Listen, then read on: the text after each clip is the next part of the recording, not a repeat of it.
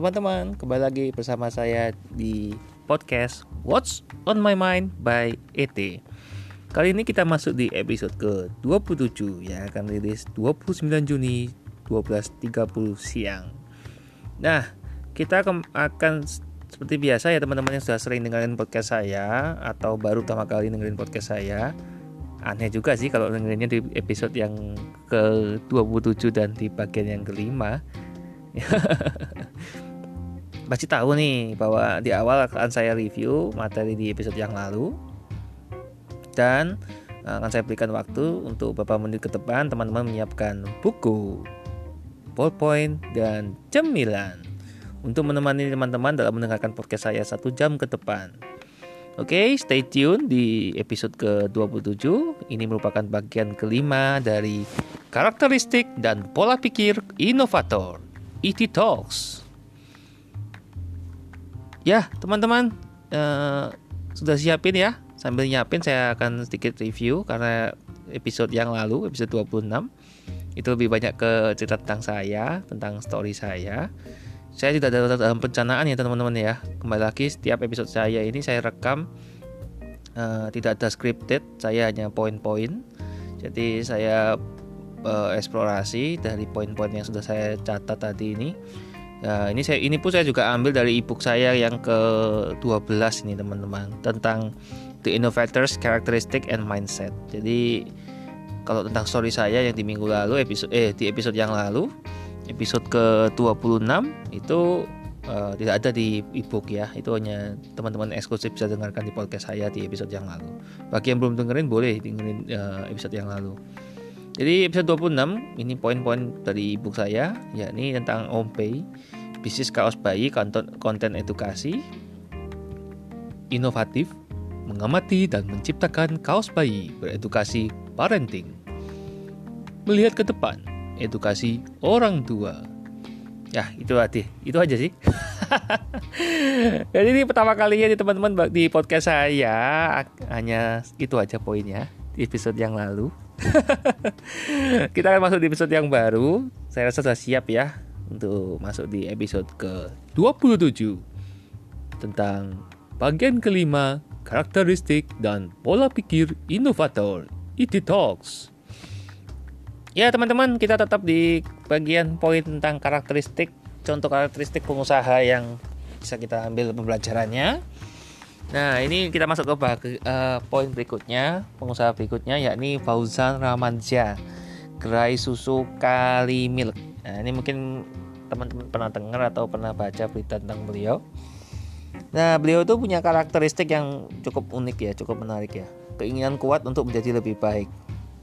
Nah, ini loh teman-teman, keinginan kuat untuk menjadi lebih baik. Bahkan saya sendiri pun ini saya kaitan dengan pengalaman saya ya jadi poin dari beliau, apa yang saya pelajari dari beliau, saya kaitkan dengan pengalaman saya. Ini yang jadi cerita saya ya.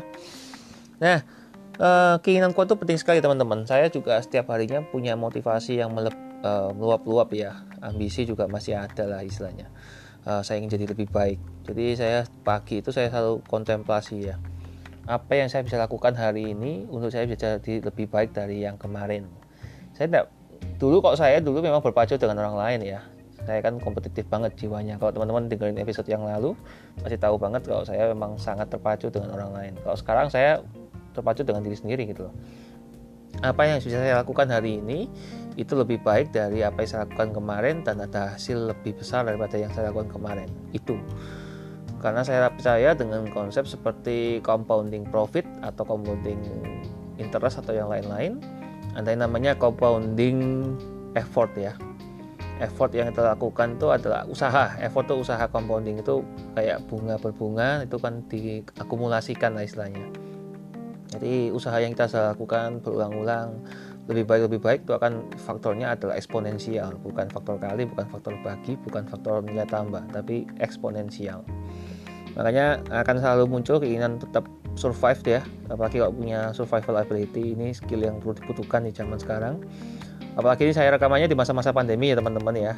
Nah, teman-teman saya justru harapannya teman-teman mendengarkan podcast saya di episode yang eh bukan di episode ya di masa-masa ketika pandemi ini sudah berlalu pandemi corona. Mungkin bagi yang uh, tidak tahu apa itu corona kayaknya sih keterlaluan banget sih. Jadi kalau tidak tahu tentang corona pasti juga nggak tahu tentang podcast saya. Karena berarti nggak tahu teknologi. Karena nggak baca berita atau nggak tahu nggak ada teman sama sekali tinggal di puncak gunung misalkan atau nggak ada informasi nggak ada internet nggak ada apa pun hanya makanan berburu pun. Atau mungkin tinggal di dalam uh, dalamnya samudra itu ya dalam dalamnya banget uh, jadi nggak ada nggak bisa komunikasi dengan orang lain komunikasinya dengan ikan. Nah itu baru. Bisa tahu podcast saya tapi nggak tahu tentang corona ya kebacut lah istilahnya. Ya teman-teman jadi keinginan kuat ya selalu tekankan dalam diri sendiri bahwa kita itu jadi versi yang terbaik dari kita jadi kita jangan terpacu sama orang lain. Bolehlah termotivasi bolehlah terinspirasi. Tapi kalau uh, keinginan ya harus dari diri sendiri ya. Jangan dari orang lain atau ya memang kadang ada beban dari orang tua ada dari istri anak dan yang lain ya. Keinginan-keinginan yang mereka juga bisa membuat kita lebih baik kan? Yeah, salah satu keinginan kita adalah ingin membuat mereka lebih bahagia. Ya lebih baik tuh banyak macam-macam ya, teman-teman ya. Bisa lebih bahagia bisa lebih uh, lebih makmur bisa lebih banyak lah lebih yang positif lah istilahnya ya. Jangan lebih yang negatif. Jadi poin berikutnya tahan banting. Segera bangkit dari bisnis pemeliharaan sapi yang mati karena lulusan gedung merapi. Jadi beliau uh, dulunya punya bisnis. Ya kan kita kalau bilang bisnis itu kan nggak mungkin ya. Ada mungkin sih kadang pengusaha yang bisnis pertama langsung berhasil ada. Tapi ini beliau yang di usaha pertamanya belum berhasil ya di bidang pemeliharaan sapi. Ya karena namanya juga bencana alam ini namanya teman-teman. Kalau bencana alam kan kita nggak bisa perencanaan ya. Kita nggak pernah tahu rencana Tuhan mungkin itu sudah garisan dari Tuhan peringatan juga dari Tuhan ya. Kita nggak tahu ya. Itu kan sudah di luar kuasa kita ya. Kita hanya fokus yang apa kita bisa kontrol. Nah eh, pemeliharaan sapi yang mati ini kan eh, pasti ada rugi ya kata kerugian ya. Teman saya kan tidak bisa ngomong ya karena saya tidak merasakan apa yang beliau rasakan. Bayangkan aja teman-teman kalau punya sapi punya peliharaan apa pun itu mati karena bencana alam pasti kan ada kerugian ya. Dan kita mungkin harus ada tetap tagihan tetap berjalan kan. Modalnya habis tagihannya jalan. Bahkan tagihannya lebih besar daripada uh, uang yang kita hasilkan. Ya berat lah. Teman-teman bagi yang usaha saya salut lah props to all of you ya. Buat kalian semua seorang pengusaha yang tetap semangat di masa apa pun itu apalagi masa-masa corona seperti ini. Saya juga hampir setiap harinya itu ketemu dengan pengusaha-pengusaha baru pengusaha-pengusaha yang baru saya ketemuin lah ya. Pengusahanya sudah lama tapi baru saya temuin pertama kalinya. Saya sharing-sharing dengan beliau banyak baca dari beliau-beliaunya gitu ya. Mungkin uh, saya akan sharingkan beberapa lah. Ya ini kan salah satu yang saya pelajarin dari beliau-beliau yang saya sharingkan di sini. Uh, berat tuh teman-teman. Uh, mereka kadang ya kelihatannya aja keren kan di luar gitu ya.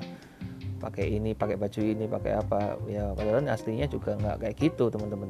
Sebenarnya mereka juga ya mau nggak mau itu tuntutan zaman ya sebenarnya kalau zaman dulu eksis di dunia medsos tuh nggak perlu ya. Kalau sekarang harus kayak kewajiban bagi kita untuk para pengusaha harus tampil. Ya karena kita diberikan tanggung jawab yang lebih bukan cuma uh, usaha kita tapi kita juga bisa motivasi orang lain untuk berusaha ya. Berusaha ini macam-macam ya teman-teman. Nggak harus jadi punya usaha sendiri ya. Bisa berusaha side hustle ya. Side hustle tuh kerja sampingan. Pekerjaan utama jangan ditinggal dulu lah kalau belum ada hasil dari pekerjaan sampingan jadi saya nggak penasarankan orang untuk meninggalkan pekerjaan yang lama untuk fokus di hal baru yang belum menghasilkan. Jangan, kecuali anda yang punya uh, ini ya, kayak saya sih punya habit habit kayak gitu, jangan ditiru lah. Ambil positifnya, jangan uh, jangan ditiru yang negatifnya. Itu kan saya punya habit kalau saya memulai hal baru, saya benar-benar meninggalkan hal yang lama. Saya masuk ke industri yang benar-benar baru. Ya karena saya suka belajar, saya harus akan ilmu. Akhirnya ya, ya itu adalah. Uh, menurut saya, saya kaya akan pengalaman gitu. Kaya akan ilmu. Tapi ya kalau kaya akan duit kayaknya masih belum masih jauh ya. Bukan saya nggak ada duitnya. Ada cuman ya cukup. Saya tidak pernah uh, karena saya juga punya prinsip dalam hidup juga tidak terlalu ambisi lah untuk keuangan. Yang penting cukup terus keluarga aman sejahtera. Ya intinya bisa buat diri sendiri bisa buat orang tua bisa untuk anak istri ya ke depannya ya tabungan lah. Siapa sih yang nggak ingin menikah ya kan? Siapa yang nggak ingin punya keluarga ini bagi yang tahu saya pasti tahu banget lah. Saya itu tipikalnya dari dulunya tuh susah banget komitmen untuk dengan wanita ya. Ya bukan saya komitmen dengan laki-laki pacaran dan menikah sama laki-laki bukan. Maksud saya ya wajarnya kan dengan wanita ya kan? Saya juga bukan tipe gay waduh wadi saya takut sama gay bukan merecehkan ya mohon maaf kalau ada yang gay dan uh, tersinggung dengan saya. Saya tidak melecehkan cuman saya uh, saya masih normal lah istilahnya jadi uh, poin berikutnya yakni jeli dalam melihat peluang penjualan susu langsung ke konsumen ini kejelian ya kadang kan uh, pekepekaan dalam melihat peluang itu kan tidak semua pengusaha bisa hanya pengusaha yang memang benar-benar ada passion, ada hasrat di sana di bidangnya yang dia sukai memang mungkin memang sukanya pemeliharaan binatang dan ada hasil dari binatang ternak ya istilahnya. Dan turunannya ya kan banyak kan ternak terus ternak produk ternak uh, daging potong terus susu dan lain-lain ya turunannya. Nah itu tadi kan uh, jadi dari peternakan langsung ke konsumen. Jadi kan kalau biasanya kan lewat distributor dulu ya di packaging dulu berupa botol atau berupa plastik. Ya apa ya kok bilang bukan plastik sih? Ya botol plastik lah. Pokoknya susu-susu yang kotak-kotak lah teman-teman. Saya nggak sebutin merek lah jadi kan itu kan diolah dulu. Ya ini kan mereka bisa langsung dari susu murni ya berarti. Saya nggak sebut merek ya ini ya. Ini kan cuma susu murni dari sapi. Jadi uh, mungkin sedikit olahan ya. Mungkin hanya lewat satu dua proses lah. Namanya kan tetap harus diproses lah. Kita walaupun langsung dari susu sapi sebenarnya katanya sih bisa langsung diminum ya. Ada peternakan sapi yang sudah jadi salah satu lahan uh, untuk ini ya namanya apa? Kayak semacam traveling atau kita untuk edukasi lah istilahnya gitu. Kita bisa lihat proses uh, peternakannya seperti apa dari awal sampai hulu dari hulu ke hilirnya bagaimana pengolahannya seperti apa. Kalau saya sih prinsipnya suka belajar teman-teman dan uh, belajar langsung dari sumbernya itu lebih efektif menurut saya. Jadi teman-teman bisa langsung lihat proses pengolahannya seperti apa dari produksi sampai ke tangan konsumen itu bagaimana hasil olahannya juga seperti apa terus sapi-sapinya seperti apa cara ngasih makannya cara kasih minumnya cara kasih vitamin vitamin ya vitamin saya ngomongnya mineral atau apa pun kandungan yang perlu dibutuhkan sehingga sapi-sapi ini lebih gemuk, lebih bergizi gitu ya. Jadi bukan manusia aja yang harus diperhatikan, harus dibikin gemuk atau dibikin sehat. Binatang pun juga lah, apalagi kan kita ini kan manusia itu dikirim ke dunia itu sebenarnya untuk melestarikan ya binatang yang ada di bumi gitu loh. Itu kalau teman-teman baca sejarah atau baca agama pasti tahu lah. Yang kita kalau di agama saya, kepercayaan saya, ya saya nggak sebut nama lah ya Uh, itu tokoh atau manusia pertama yang di bumi itu diciptakan di hari terakhir bayangkan teman-teman bukan di hari pertama ya kalau manusia diciptakan hari pertama langsung mati karena kan nggak ada makanan dan nggak ada nggak ada yang lain-lain gitu sedangkan kan akhirnya manusia itu kan diciptakan dulu hati itu uh, terang diciptakan. Ya teman-teman bisa lihat lah kitabnya masing-masing nanti saya ngomongin agama di kesannya uh, isu yang sensitif ini gitu loh. Ya intinya kalau di agama saya itu di hari yang keenam. Di hari keenam di mana uh, eh, manusia ini akhirnya juga dikasih pasangan jodohnya gitu loh. Jadi setelah dikasih banyak binatang kan dia ya dia merasa kesepian dia walaupun sudah bertemu dengan binatang kan dia masih butuh lah orang lain yang bisa melengkapi ya kalau sama saya sih juga bilang kayak gitu lah jodoh itu kita nggak ada yang tahu. Itu misteri ilahi juga ya. Jadi kalau memang butuh benar-benar butuh jodoh ya kita berdoa sama Tuhan aja. Karena uh, kita sudah diberikan banyak lah sama Tuhan karunia yang talenta yang luar biasa. Kita harus maksimalkan ya teman-teman. Jadi jika lo memang punya istilahnya kalau bahasa Inggris itu green thumb ya. Green thumb itu dia jago banget untuk bertanam untuk beternak dan lain-lain. Memang spesialisnya itu untuk perawatan sumber daya alam nah itu kan karya dari Tuhan ya teman-teman ya. Itu kan juga bagian dari biologi teman-teman pernah belajar biologi juga tahu kan gimana caranya proses uh, biakan binatang mamalia khususnya kan. Nah berarti kan beliau melihat peluang di situ. Uh, mungkin beliau malah saya tidak tahu ya backgroundnya beliau sebagai apa latar belakang pendidikannya seperti apa mungkin emang otodidak ya. Sekarang justru saya lihat tuh banyak orang-orang tuh luar biasanya otodidak. Belajar tuh langsung dari uh, apa yang mereka pelajari langsung tanpa punya dasar teori atau yang lain-lain ya. Orang-orang zaman dulu juga hebat-hebat lah. Jadi bukan saya ngomong zaman sekarang aja. Semua zaman ada orang-orang hebat yang memang bahkan anda pun yang mendengarkan podcast saya ini anda orang hebat. Cuman anda belum saatnya aja untuk jadi orang saat ini. Saya pun juga sedang berproses teman-teman. Jadi anda gak sendirian saya pun juga sedang berproses ya saya tidak tahu uh, saya berada di titik mana ketika teman-teman mendengarkan podcast saya ini gitu loh Cuma kalau sampai Anda mendengarkan podcast saya, berarti ya Anda minimal tahu saya, Anda minimal mengenal saya. Karena tidak mungkin orang awam atau orang asing uh, iseng-iseng dengerin podcast saya, om saya juga belum promo. saya cuma nge-share link saya, itu pun kalau orang yang ngeklik link saya, terus ngeklik tombol podcast saya, baru muncul bisa didengerin. Itu pun juga kalau download, uh, download di Spotify atau di Anchor atau di tempat lain, spot, uh, apa namanya podcast yang lain, live streaming yang lain. itu teman-teman, jadi uh, bisa dipahami ya Nah, karena kan saya juga suka biologi, jadi kan saya sedikit bahas tentang biologi, jadi kan juga tentang agama. Saya juga mendalami agama, saya mempelajari semua agama. Jadi uh, saya juga memang fokus di agama pribadi. Iman tidak akan goyang teman-teman. Uh, saya percaya juru selamat saya, saya percaya bahwa semua agama itu mengajarkan kebenaran, mengajarkan kebaikan gitu loh. Dan dalam hal ini kita tidak perlu membahas agama lebih lanjut lah. Jadi jangan jadikan agama sebagai bahan perbincangan. Menurut saya sih saya sendiri juga nggak nyaman ya membahas tentang agama. Ini kan saya hanya membahas tentang Tuhan. Tuhan dan agama itu berbeda teman-teman. Oke saya lanjut. Inovatif susu dengan 46 rasa. Coba bayangkan kalau dulu susu paling yang terlintas di otak anda akan ingat susu coklat susu vanila susu strawberry yang sering teman-teman beli ya sekarang dengan 46 rasa 46 varian itu rata-rata mungkin campuran dengan buah ya bayangkan itu saya kurang tahu ya jenis variannya. Mohon maaf Pak Fauzan Ramansyah. Bolehlah kalau Bapak dengarkan podcast saya ini boleh kirim sampelnya. Saya juga suka susu. Dalam hal ini saya suka susu ya. Memang saya suka hal yang natural ya, yang langsung alami dari sumbernya. Saya bahkan makanan itu saya suka home home ini ya, apa namanya? home aduh istilahnya makanan dari rumah lah pokoknya kitchen eh kitchen ya dari kitchen lah dari dapur rumah lah pokoknya masakan dari orang tua saya masakan dari ya kalau nanti jodoh saya emang jago masak saya sangat suka banget lah istilahnya dimasakin. Mungkin kamu? Iya kamu jodoh saya mungkin. Bagi yang mengirimin saya makanan monggo. Saya juga bisa dihubungi di makanan di pot apa namanya medsos saya yang di akhir episode kan. Yang butuh endorse mungkin.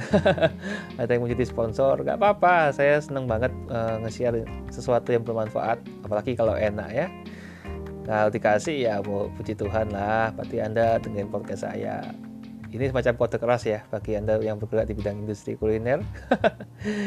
Saya mungkin market anda gitu ya. Saya suka makan saya suka uh, eksperimen dengan menu-menu baru gitu. Apalagi dengan susu 46 rasa seperti yang Bapak Fauzan Ramansyah gerai susu Kalimik Kalimilk ini tawarkan gitu kan saya di pokoknya eksperimen jadi saya mungkin kalau memang ada kesempatan tuh bisa coba semua varian luar biasa.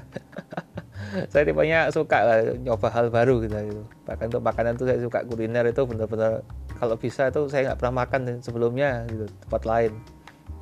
Tapi kalau sudah cocok ya makan di situ terus. Jadi benar-benar nggak pilih menu lain dulu.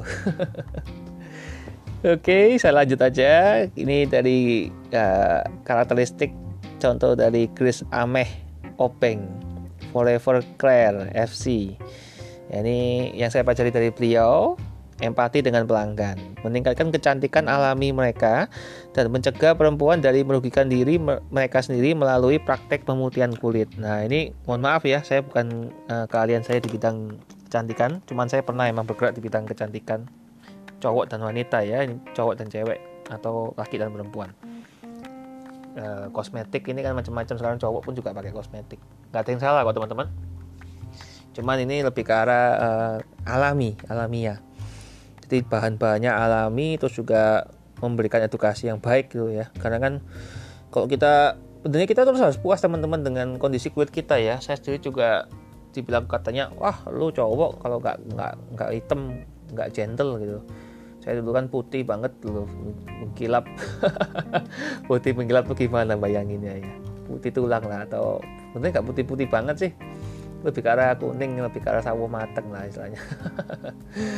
Ya pokoknya nggak coklat lah hitam udah itu aja sih. Cuman saya nggak ngomongin ini untuk masalah ras agama dan yang membahayakan ya teman-teman. Ini masalah masalah warna kulit ya. Saya membahas tentang uh, kecantikan alamiah dan membahayanya kalau kita memaksakan diri untuk memutihkan kulit. Ya benar sih kecantikan bukan hanya dari warnanya kulit ya teman-teman ya. Kalau emang dari hatinya baik makanya kan di kontes kecantikan itu kan yang dilihat bukan hanya dari tampilan luarnya tapi kan juga beauty brain and behavior. Beauty memang kecantikan perlu lah. Siapa sih cowok yang nggak suka gitu loh? Semua cowok pasti suka yang cantik. Nggak ada wis mustahil. Munafik kalau saya bilang cowok yang ngomongin nggak ngomongin kecantikan. Saya aja tetap suka lah yang cantik bening gitu atau putih itu benar-benar saya suka juga. Cuman saya nggak pastikan harus putih itu ya. Nggak harus putih kok teman-teman. Yang penting kalau saya tuh bicara brain and behaviornya. Itu tidak ngomong nyambung. Nggak roaming nggak uh, uh, uh, gitu loh. Gemes saya kalau ngomong sama orang yang uh, uh, uh. tidak ngomong nggak ngerti nggak nyambung. Waduh mohon maaf salah sambung jadinya saya. Jadi saya nggak lanjutin ngobrolannya nah kemudian ngomongin uh, behavior ya pastilah kan kita nggak nyaman kita bakal ilfil kalau lihat cewek uh, cantik tapi makannya ngawur gitu ya. Dalam hal ini mungkin makan pakai tangan terus kakinya naik meja apa kakinya mentingkrangan aduh sudah pasti nggak nyaman kan? Nah ya teman-teman bagi cara bagi teman-teman misalkan podcast pendengar podcast saya ini adalah wanita tolonglah ini ada Bu Grace Ahmed dan Openg ini kan Forever Clear ini kan sudah memberikan edukasi yang baik gitu loh. Kembali lagi saya di sini tidak di endorse ya teman-teman ya, tidak di endorse, tidak dikasih sponsor apa pun untuk memberitakan bisnisnya mereka.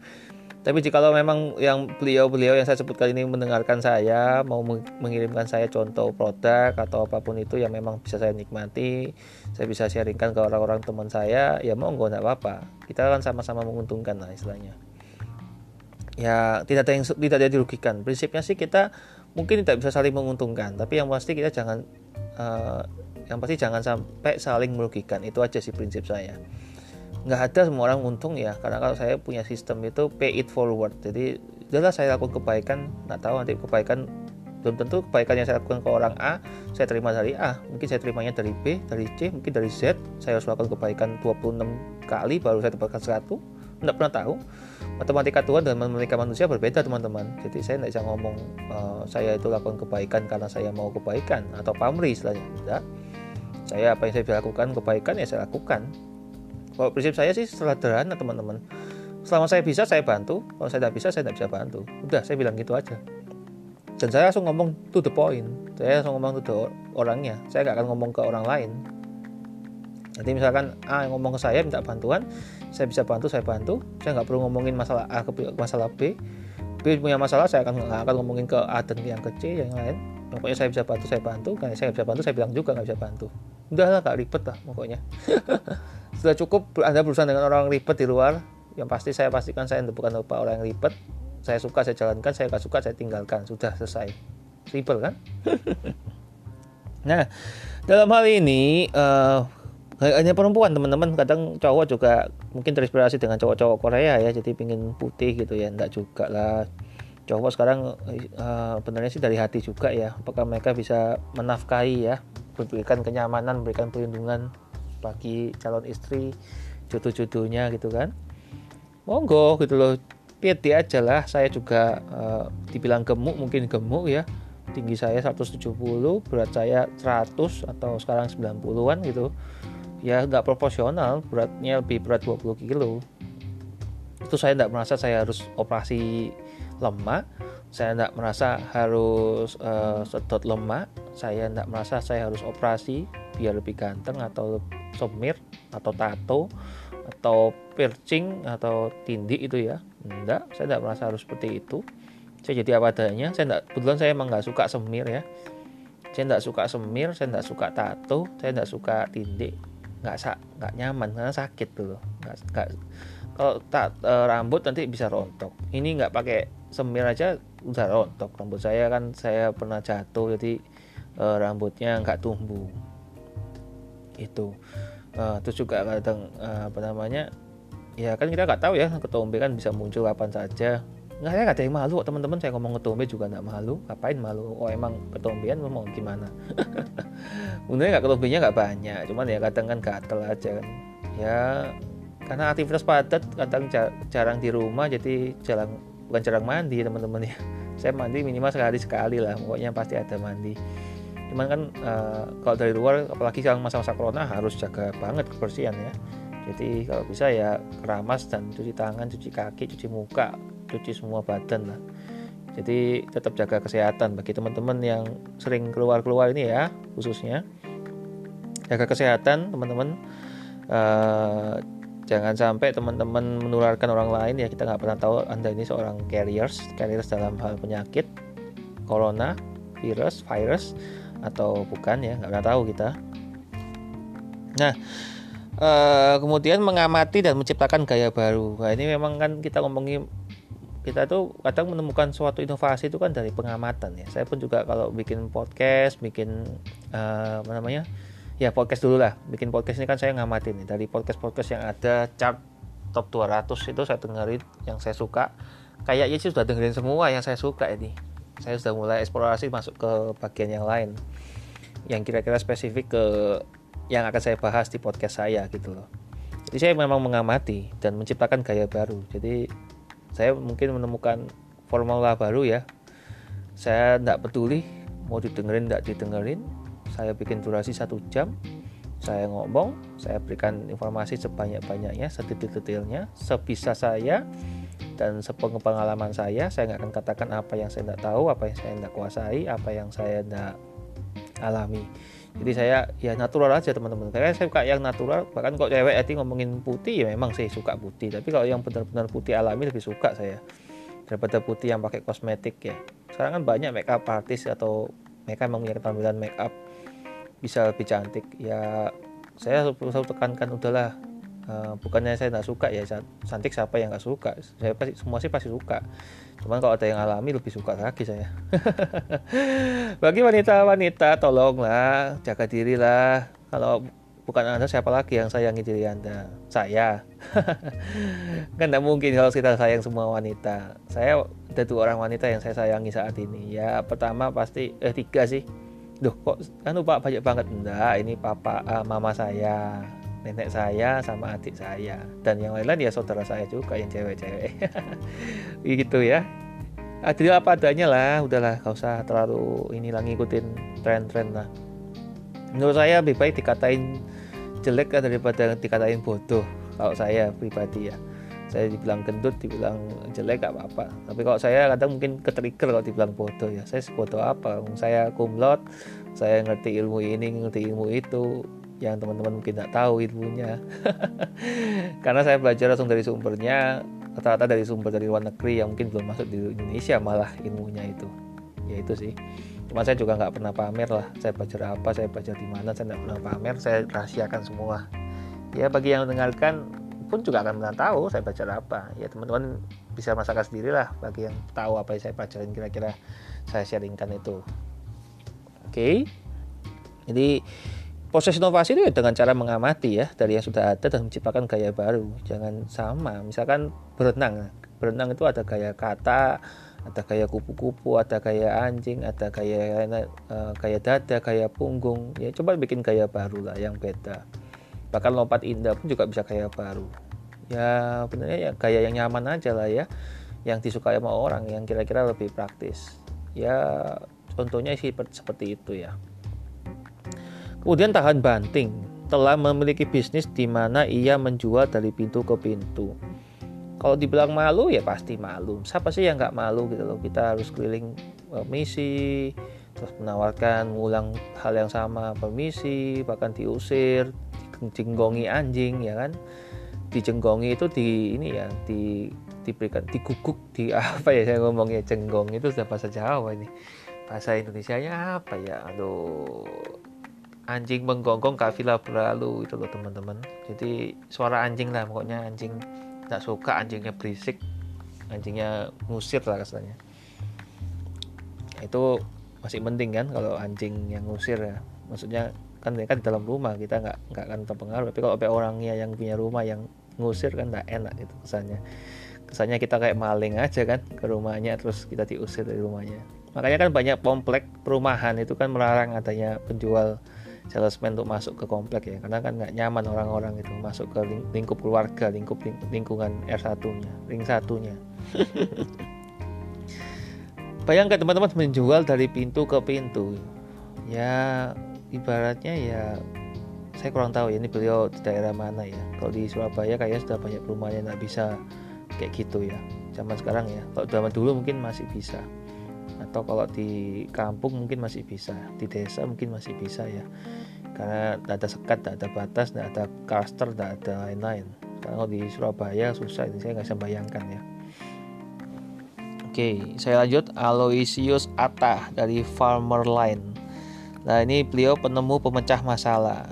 Ini uh, halo Pak, Pak atau Bu ya saya lupa ini. Uh, Aloysius Ala Atta penemu pemecah masalah mengidentifikasi masalah petani yang tidak mendapatkan informasi yang dibutuhkan agar bisa kompetitif di pasar dan datang dengan memberi solusi. Itu teman-teman uh, Farmer Line. Ya bisa Google sendiri lah. Saya baca banyak ya maksudnya dari penemuan beliau pemecahan beliau gitu loh. Masalah itu harus kita pecahkan ya teman-teman bukan cuma kita tahu masalahnya terus kita diamin aja. Kita begitu tahu masalahnya kita harus pecahkan masalahnya kita temukan solusinya. Itu fokusnya. Jangan kebalik ya. Nah itu tadi. Karena kan mereka mungkin belum merata ya. Kita ngomongin jangan kan ngomong internet teman-teman. Listrik aja belum merata gitu loh. Saya pernah keliling Indonesia saya lihat daerah-daerah tertentu masih jauh banget dari uh, jangkauan. Bahkan sinyal pun tidak ada loh. Bayangkan teman-teman sinyal dari alat eh, apa namanya uh, ini loh apa namanya penyedia layanan internet yang terbaik aja di Indonesia belum mencapai jangkauan apalagi yang tidak tidak ada jangkauannya di sana. Tidak ada towernya gitu loh. Bayangkan gitu loh. Ini beliau memberikan solusi ya caranya dan sangat peduli lah untuk dengan golongan petani. Kita tetap butuh petani teman-teman. Jangan tinggalkan lah petani itu uh, penopang kita. Karena kan kita mau makan apa kalau nggak ada petani? Apalagi dengan ciri khas orang Indonesia katanya nggak kenyang kalau nggak makan nasi. Katanya makan makan uh, apa namanya ya substitusi karbohidrat yang lain nggak nggak akan bisa melengkapi kalau nggak makan nasi. Nasi ini hasil olahan dari beras ya pasti semua tahu. Misalkan makan kentang wah belum kenyang soalnya belum makan nasi. Misalkan makan ubi waduh belum kenyang soalnya belum makan nasi. Yang penting jangan makan beras ya makannya nasi. Itu hati. Di sini saya nggak di endorse teman-teman untuk masak nasi aja. Masak na apa masuk mau mau masak sih nasi aja di saya? Bukan. Itu ya. Jadi agar bisa kompetitif ya. Jadi kadang saya juga lihat tuh banyak petani-petani itu mereka kerja keras di lahannya mereka lahannya mereka atau lahannya orang lain dapat hasil yang sedikit ya karena yang banyak malah distributor ya. Bagian produsen malah sedikit kasihan sih. Makanya banyak orang-orang yang nggak nggak mau lanjutin jadi petani akhirnya mereka ke kota mengubah nasib. Ya menurut saya sih wajar ya kalau dengan penghasilan yang kurang gitu. Makanya ini kan beliau menemukan solusi. Ya pun juga memberikan solusi nih bagi para petani untuk masalah modal kita juga fokusnya adalah membantu para UKM untuk bisa go public ya kan? Jadi biar bisa naik level lah. Jangan hanya jadi UKM teman-teman. Uh, berat loh. Kita itu segmen bawah itu berat segmen menengah juga berat. Kalau kita sudah sampaikan ekspor impor itu luar biasa. Jadi saatnya kita uh, maju naik level lah teman-teman. Bagi yang butuh pendanaan uh, bisa hubungi saya di akhir episode di medsos saya yang akan saya sebutkan. Dan saya hubungkan dengan partner saya dan tim saya yang memang fokus di bisnis. Karena saya hanya fokus di edukasi ya. Jadi saya passion, saya memang pengajaran. Jadi saya suka sekali berbagi pengalaman berbagi ilmu dan berbagi apa pun yang bisa saya sharing gitu loh ya. Nah kemudian uh, intinya sih kita ada beberapa investasi di kota saya nggak sebutin lah. Karena nggak enak. Saya nggak mau promosi. Pokoknya ada di petani gitu ya nominalnya juga cukup besar. Ya digitnya juga cukup banyak gitu ya. Kita kerjasama dengan pemerintahan setempat dengan uh, lembaga setempat lembaga resmi negara setempat gitu. Untuk proses pendanaan dan pemodalannya kita bagi hasil. Ya itu sih intinya. Pokoknya kita tanpa jaminan tanpa bunga tanpa angsuran tanpa pengembalian kita mainnya IPO ya teman-teman ya. Jadi kalau sudah masuk ke bursa efek baru kita dapatkan keuntungan lebih ya ada bagi hasil ya itu hanya untuk operasional lah. Kita nggak nggak hitung ngomong profit dari situ lah. Karena kalau kita ngomongnya lima tahun itu kita masih siap terima. Uh, kata juga bisa gagal kita nggak tahu kan bisnis itu kan nggak bisa dipastikan tuh teman-teman. Makanya kalau anda memang butuh modal dan memang anda punya rencana yang sangat bagus bisa hubungi kami ya uh, nanti akan saya alihkan ke tim saya partner saya yang memang spesialis membantu anda untuk memberikan pendanaan dan promosi usaha. Nah kemudian melihat pentingnya jaringan melalui teknologi ini loh teman-teman. Teknologi itu uh, sekarang IoT IoT itu Internet of Things. Ini sudah jadi masa depan ya jadi 5.0 revolusi industri 5.0 di luar negeri sudah digaungkan dan sudah banyak yang mengaplikasikan. Di Indonesia sayangnya masih sedikit hanya beberapa perusahaan yang sudah menggunakan. Makanya uh, bagi yang sudah belajar uh, berbagilah gitu loh biar orang lain juga ngerti jadi yang merasakan manfaat dari podcast saya, dari tulisan saya, ebook saya, berbagilah ke orang lain dulu ya. Jangan egois, jangan merasa wah ini kok saya bantuin share nanti Pak Theo dapat manfaat, Pak ET dapat manfaat, dapat makin terkenal. Hei teman-teman, jangan picik kotaknya.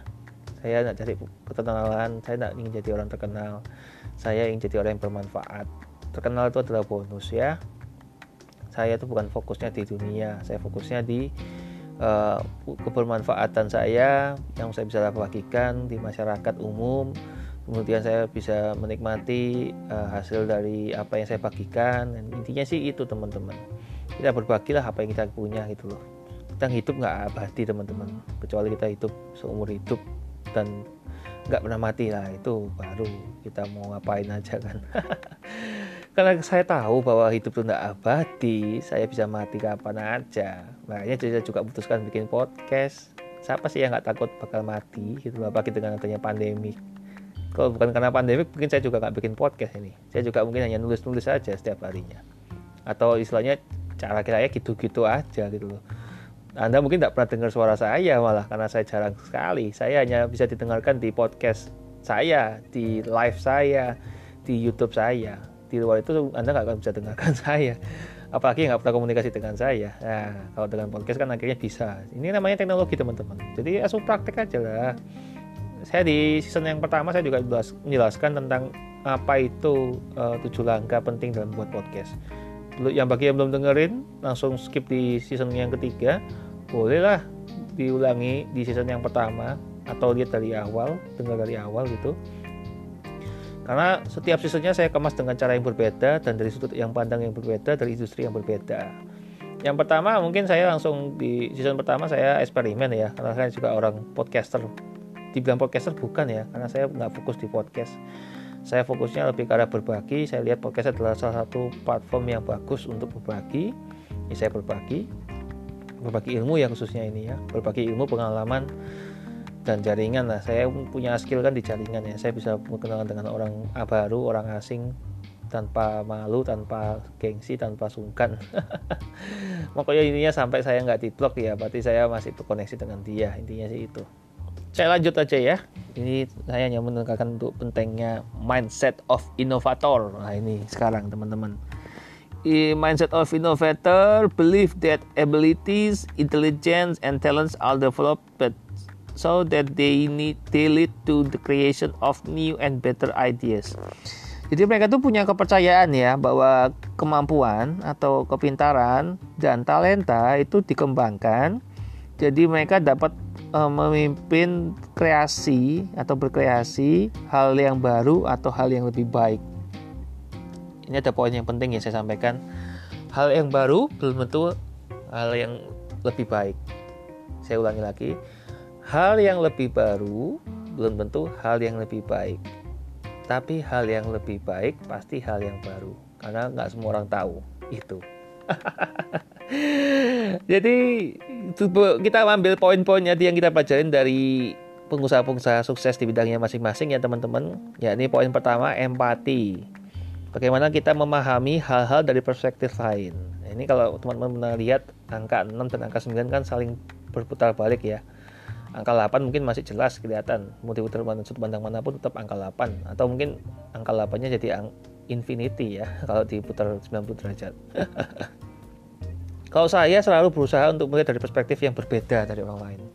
Ketika A ngomong ketika orang lain ngomong A maka saya akan berpikir dari ngomongin B gitu loh ketika orang lain nggak bahas itu saya akan bahas itu. Makanya di podcast saya mungkin teman-teman nggak akan dengarkan di pembahasan yang lain gitu loh.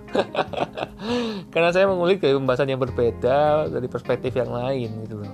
Pastikan nah, saya selalu pastikan bahwa saya selalu menjadi pembeda. Ya intinya saya tidak pernah menjadi orang yang sama. Ini ada quote yang cukup menarik ya yang saya pakai itu. Uh, mereka ketawa karena saya berbeda.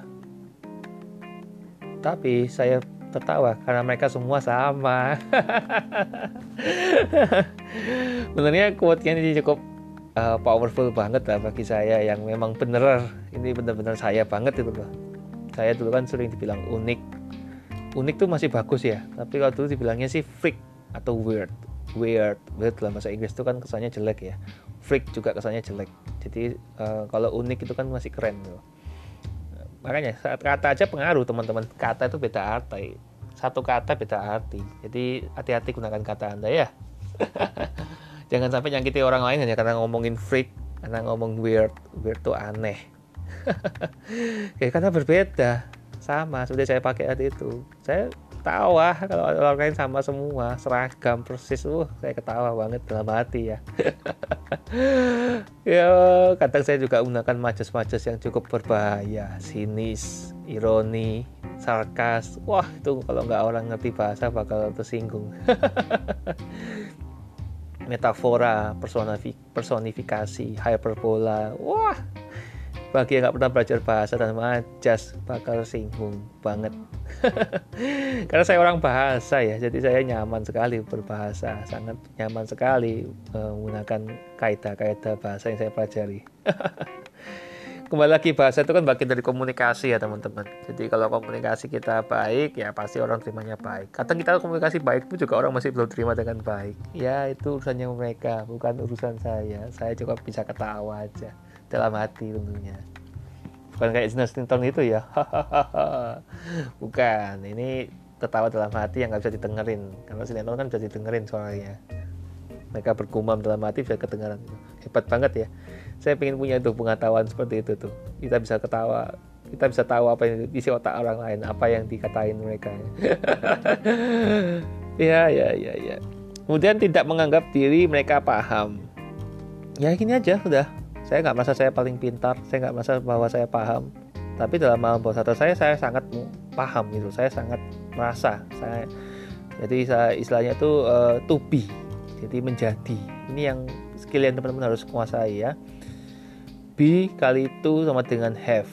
Ya be itu menjadi to itu ingin have itu memiliki. Nah itu arti rumusnya. Nah, saya nggak selalu nggak selalu menganggap diri saya paling pintar ya. Saya selalu merasa uh, makanya saya ada quote bagus juga itu ya. Saya selalu merasa bahwa saya adalah orang yang paling bodoh di lingkungan saya. Kalau saya merupakan orang yang paling pintar maka saya harus bisa pindah lingkungan. Nah itu bagus banget menurut saya. Karena saya dulu jatuh benar-benar jatuh benar-benar dijauhin benar-benar dihina benar-benar di posisi yang dicaci maki hatersnya banyak ya ketika saya sombong. Ketika saya merasa tahu banyak hal saya merasa saya uh, merasa paling hebat merasa paling keren lah istilahnya gitu Padahal saya yang ada sujung kakinya, sujung kuku kaki dari mereka gitu. Biasanya kan ngomong kuku kaku tangan ya teman-teman. Saya ngomongnya ujung kuku kaki. Bayangkan itu loh cara saya untuk perspektif menggunakan cara yang berbeda. Tidak apa-apa teman-teman, nggak ada yang nggak ada yang salah. Kadang kalau kita berbeda ini kan akhirnya kita jadi public enemy ya. Menurut saya sih tidak masalah ya. Itu public enemy itu bagi yang nggak paham itu musuh bersama.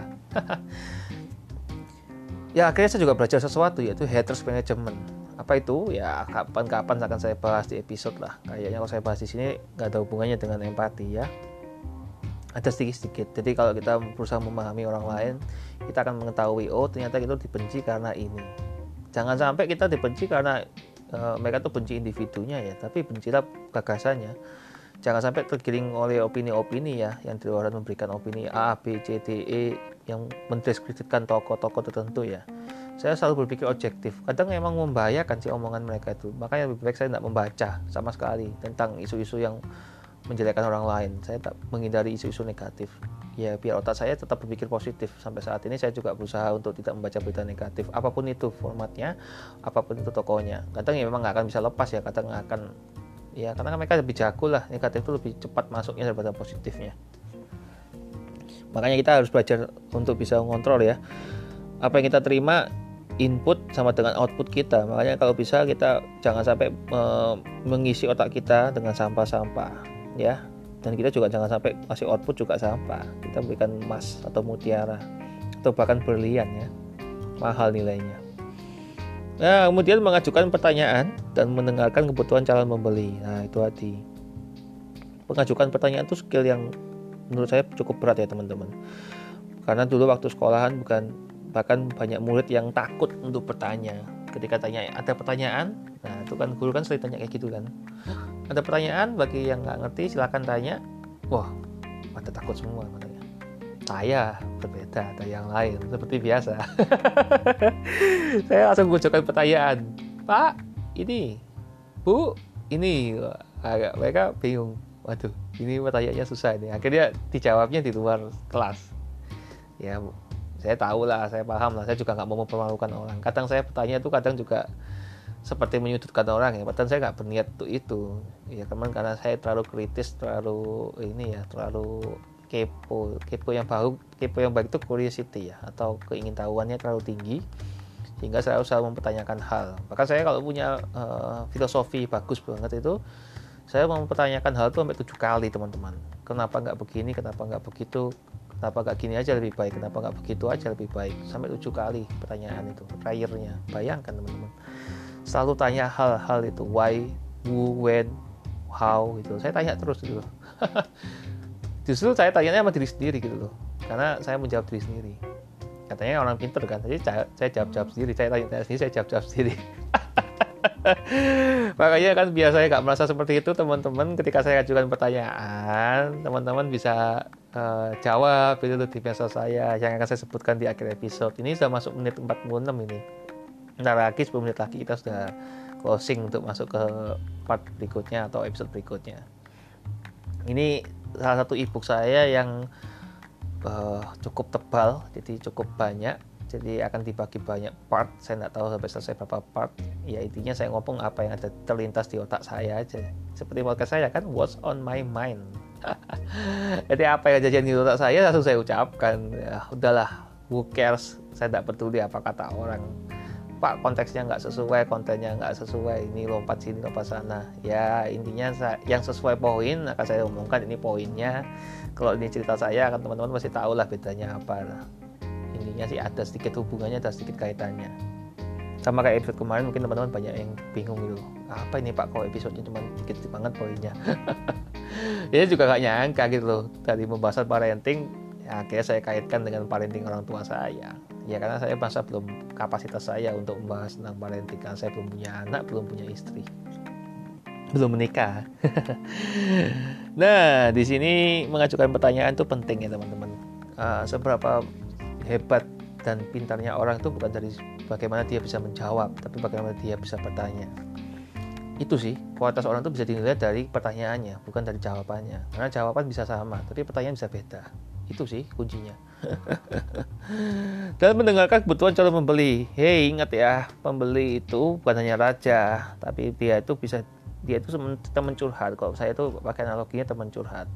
Mereka tuh benar butuh curhat aja, butuh didengerin gitu loh terus dikasih solusi ini loh solusimu kamu harus untuk hubungi ini kamu harus kayak gini lah itu loh teman-teman pembeli bukan raja bukan ratu juga pembeli itu teman curhat kalau menurut saya jadi mereka curhat masalah mereka kita kasih solusi. Misalkan mereka uh, aduh aku kok capek-capek ya. Ya ini solusi obat. Atau orang yang menyediakan jasa untuk pijat urat atau akupuntur atau apa pun itu. Ya mereka bukan orang yang uh, bukan berarti mereka ingin di, anda pijetin kan? Anda tentu anda bisa mijet belum tentu anda bisa ngobatin kan? Anda bukan dokter anda bukan apoteker anda bukan ahli gizi misalkan. Nah tapi kan anda bisa memberikan solusi. Itu loh saya pakai produk ini saya bisa merasakan manfaatnya saya bisa merasakan sesuatu saya ada khasiatnya. Apa salahnya sih mencoba?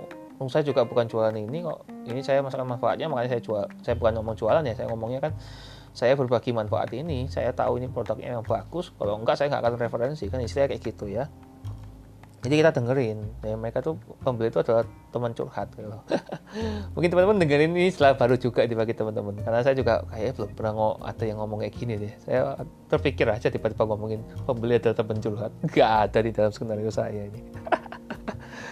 Nah mendengarkan kebutuhannya mereka ya pastinya berbeda tiap orang. Karena kan setiap karakter orang berbeda-beda. Satu orang aja sudah berbeda teman-teman. Nggak ada orang semua sama tuh nggak ada. Sidik jari coba cari itu di dunianya satu nggak ada yang lain. Kalau doppelganger atau orang yang mirip sama persis sama kita memang katanya ada teorinya tujuh orang di dunia itu yang sama persis kayak kita. Tapi setahu saya itu pun nggak semirip dengan uh, sidik jarinya kita ya fingerprintnya kita. Beda semua. Bahkan saudara kembar yang lahir di rahim yang sama itu aja pemikirannya bisa beda terus juga punya karakter yang berbeda punya keunikan yang berbeda. Nggak sama persis loh bayangkan. Contohnya itu ya. ya jadi kita harus dengerin kebutuhan kita kebutuhan calon membeli kita. Kemudian tidak berorientasi ke jualan tapi mendengarkan pelanggan. Nah itu arti kan. Teman curhat. Ada salah satu quote yang bagus lah uh, dari salah satu industri yang cukup terkenal juga. Kita lebih baik mendengarkan orang lain gitu loh dan mengerti orang lain daripada kita nyerocos atau ngomong apa aja. Ya kayak gini saya juga podcast ya. Saya bisa ngomong kayak gini tanpa skrip saya bisa ngomong banyak hal saya bisa ngomong melebar meluas memanjang ngomongin uh, konteks ini konten ini saya bisa lompat ke sini lompat ke sana itu juga karena pengalaman teman-teman. Jam terbang saya cukup tinggi untuk uh, menulis untuk berbicara saya ada 10.000 jam terbang saya sudah lebih dari 10 tahun pengalaman saya keliling Indonesia eh, berbagi share tentang ilmu saya. Memang mungkin tidak sebanyak orang-orang lain ya karena saya emang golongannya lebih karena eksklusif. Kalau nggak ada hubungan dengan bisnis saya juga kadang menolak-nolak ya karena uh, saya lebih sukanya ngomongin bisnis ngomongin tentang karir ngomongin tentang sesuatu yang bermanfaat menurut saya ya. Karena kan ada yang lebih ahli dari saya panggil mereka aja lah saya bukan ahli-ahlinya. Banyak yang lebih ahli dari saya. Udah panggil mereka aja. Mereka lebih hebat mereka lebih keren dari saya. Saya biasa aja lah. Saya cuma orang biasa yang mau berbagi. Itu Nah, poin berikutnya ya ini penemu atau pemecah masalah. Ini kita sudah masuk di menit 52, kayak ini akan jadi poin yang terakhir di episode kali ini atau di bagian ini. Penemu atau pemecah masalah itu semua inovasi dimulai dari pertanyaan, bukan jawaban. Nah, ayo seperti yang saya sampaikan di episode yang lalu, eh, eh di beberapa pembahasan yang lalu tadi kan, di awal-awal episode atau di pertengahan tadi, bahwa itu dimulai dari pertanyaan. Kuncinya itu di pertanyaan, bukan jawaban. Bagaimana cara kita bisa memberikan pertanyaan sehingga kita bisa pertemuan, bisa ketemu jawaban dari itu dan kita bisa bertanya itu lagi, hal-hal itu. Itu inovasi akan muncul dari sana misalkan contohnya uh, yang susu tadi lah susu itu. Kenapa harus susu? Kenapa bukan keju? Kenapa bukan yogurt? Terus kenapa harus rasa susu coklat? Kenapa nggak rasa vanilla kenapa nggak rasa durian atau rasa yang lain? Terus misalkan packagingnya. Kenapa nggak harus kotak? Kenapa nggak harus lingkaran? Kenapa nggak silinder atau bulat atau yang lain-lain gitu? Kenapa harus kotak susunya? Atau kenapa harus di dalam bentuk drum kenapa harus ini? Ya kayak gitu contoh ya. Terus misalkan kenapa harus diangkut pakai pick up? Kenapa nggak pakai pesawat atau nggak pakai helikopter atau pakai apa pun itu? Banyak lah. Pertanyaan saya konyol kan kalau saya bilang gitu kan. Kadang saya suruh berpikir itu ya saya yang mengucapkan yang masuk akal gitu yang nggak masuk akal saya hanya bermain di otak saya ini ya, apa namanya imajinasi saya. Kemudian fokus pada pertanyaan mengapa? Mengapa tidak Bagaimana? Bagaimana yang lain? Seberapa mungkin? Bagaimana jika? Nah, itu tadi yang saya sering pakai tadi kan. Mengapa? Gitu. Mengapa A? Mengapa warna biru? Kenapa gak warna coklat? Mengapa tidak? Mengapa tidak pakai baju ukuran L? Kenapa harus S? Kenapa nggak M? Gitu. Bagaimana? Bagaimana caranya kita bisa uh, ini tadi minum susu pakai selang, pakai sedotan, atau minum langsung dari sumbernya atau pakai pompa. Terus bagaimana yang lain? Nah misalkan uh, dijemput tadi itu pakai pesawat pakai kereta atau pakai kapal ferry gitu. Seberapa mungkin? Nah itu seberapa mungkin kita bisa melakukan inovasi? Misalkan daging. Seberapa mungkin daging itu bisa dipotong sama persis 8 atau dipotong 12 atau 36 atau gimana bagaimana jika lah itu hati what if itu paling sering lah bagaimana jika saya tidak tidak um, mengeluarkan sapi saya untuk berjemur Bagaimana jika mereka tidak makan rumput, mereka makan daging misalkan, sapi makan daging kan lucu. itu hanya bercanda ya teman-teman. Nah kemudian masalah sebagai peluang. Nah ini hati, penemu dan pemecah ini selalu melihat masalah itu sebagai peluang, bukan sebagai uh, ini ya masalah atau sebagai hal yang mereka nggak suka. Kalau saya malah bilang suka masalah ya, karena saya dari masalah itu saya bisa belajar banyak hal. Saya lebih banyak belajar dari banyak masalah daripada banyak solusi, karena solusi banyak malah pusing. Kita terlalu banyak opsi sehingga kita malah pusing. Mana solusi yang terbaik? Akhirnya malah uh, ini berpikir solusi-solusi yang aneh solusi yang nyeleneh ya karena opsinya terlalu banyak gitu. Sedangkan kalau masalah kan kita bisa kreativitas nah kemudian mengembangkan ide berbasis pemecahan masalah jadi cuman cuman masalah aja tapi kita harus mikirin pemecahannya kita harus memikirkan solusinya dan dari ide itu kita akan muncul banyak hal baru yang kita bisa lakukan Nah, kita mungkin akan masuk di poin berikutnya pengambil resiko di episode yang ke depan ya teman-teman ya. Karena ini udah menit 555 sudah ada pemberitahuan dari uh, aplikasi rekaman saya. Nah, episode ke-27 ini merupakan bagian kelima dari karakteristik dan pola pikir inovator ET Talks yang akan rilis tanggal 29 Juni jam 12.30 siang. Bagi penggemar ya saya nggak bilang penggemar ya pendengar saya uh, terima kasih banyak sudah menemani saya selama satu jam terakhir atau mungkin sudah 27 jam Anda mendengarkan saya Anda luar biasa gitu ya. Atas waktunya saya ucapkan terima kasih banyak. Atas kesempatannya saya juga ucapkan terima kasih banyak. Atas uh, misalkan teman-teman memberikan feedback silakan. Atas feedbacknya saya juga ucapkan terima kasih banyak di depan gitu ya. Karena anda belum tentu memberikan. Saya optimis aja lah bahwa ada yang mendengarkan. Saya optimis aja ada yang uh, merasakan manfaatnya. Saya optimis aja ada yang uh, merasakan manfaatnya tidak didengerin juga nggak apa-apa. Nggak ada ruginya buat saya. Seperti saya prinsip tadi kan tidak harus tidak harus selalu saling menguntungkan. Asal tidak saling merugikan iya nggak masalah. Itu aja sih.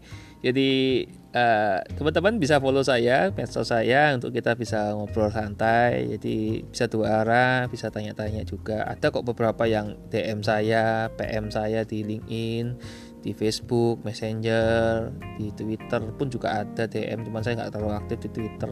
Telegram pun juga cukup banyak yang DM Line, Line juga ada, WA, wah paling sering kalau WA itu.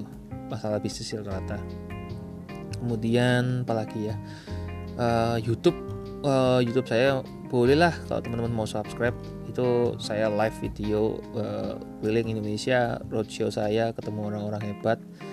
Saya ngomongin apa, mereka jawabannya apa, mereka teman-teman bisa denger lah langsung di sana. Oke itu dulu mungkin di menit 58 ini sudah saya akan tutup seperti biasa udah di follow ya di medsos saya Elias Teofilus G atau Elias Teofilus Gandawijaya di podcast saya What's on My Mind by IT e bisa didengarkan di Spotify, Google Podcast, IGTV, di Apple Podcast, bisa di Anchor juga. Uh, kemudian di ini ya. Salam salut. Terus you know my name not my story. Harapan saya anda setelah mendengarkan episode yang lalu pasti dengerin story saya. Pasti kan anda lebih mengenal saya lebih dekat lagi istilahnya gitu. Karena saya jarang banget berbagi tentang pribadi ya saya lebih banyak berbagi tentang bisnis. Itu aja dulu. Selamat pagi siang sore malam subuh. Selamat pagi Senin Selasa Rabu Kamis Jumat Sabtu. Saya ucapkan selamat bagi anda yang sedang mendengarkan. Terima kasih banyak atas waktunya. Sampai ketemu di episode ke 28 tentang karakteristik dan pola pikir inovator IT Talks. Yang akan tayang 30 Juni jam 13.30 siang bagian yang ke-6. Sampai ketemu. Tuhan memberkati.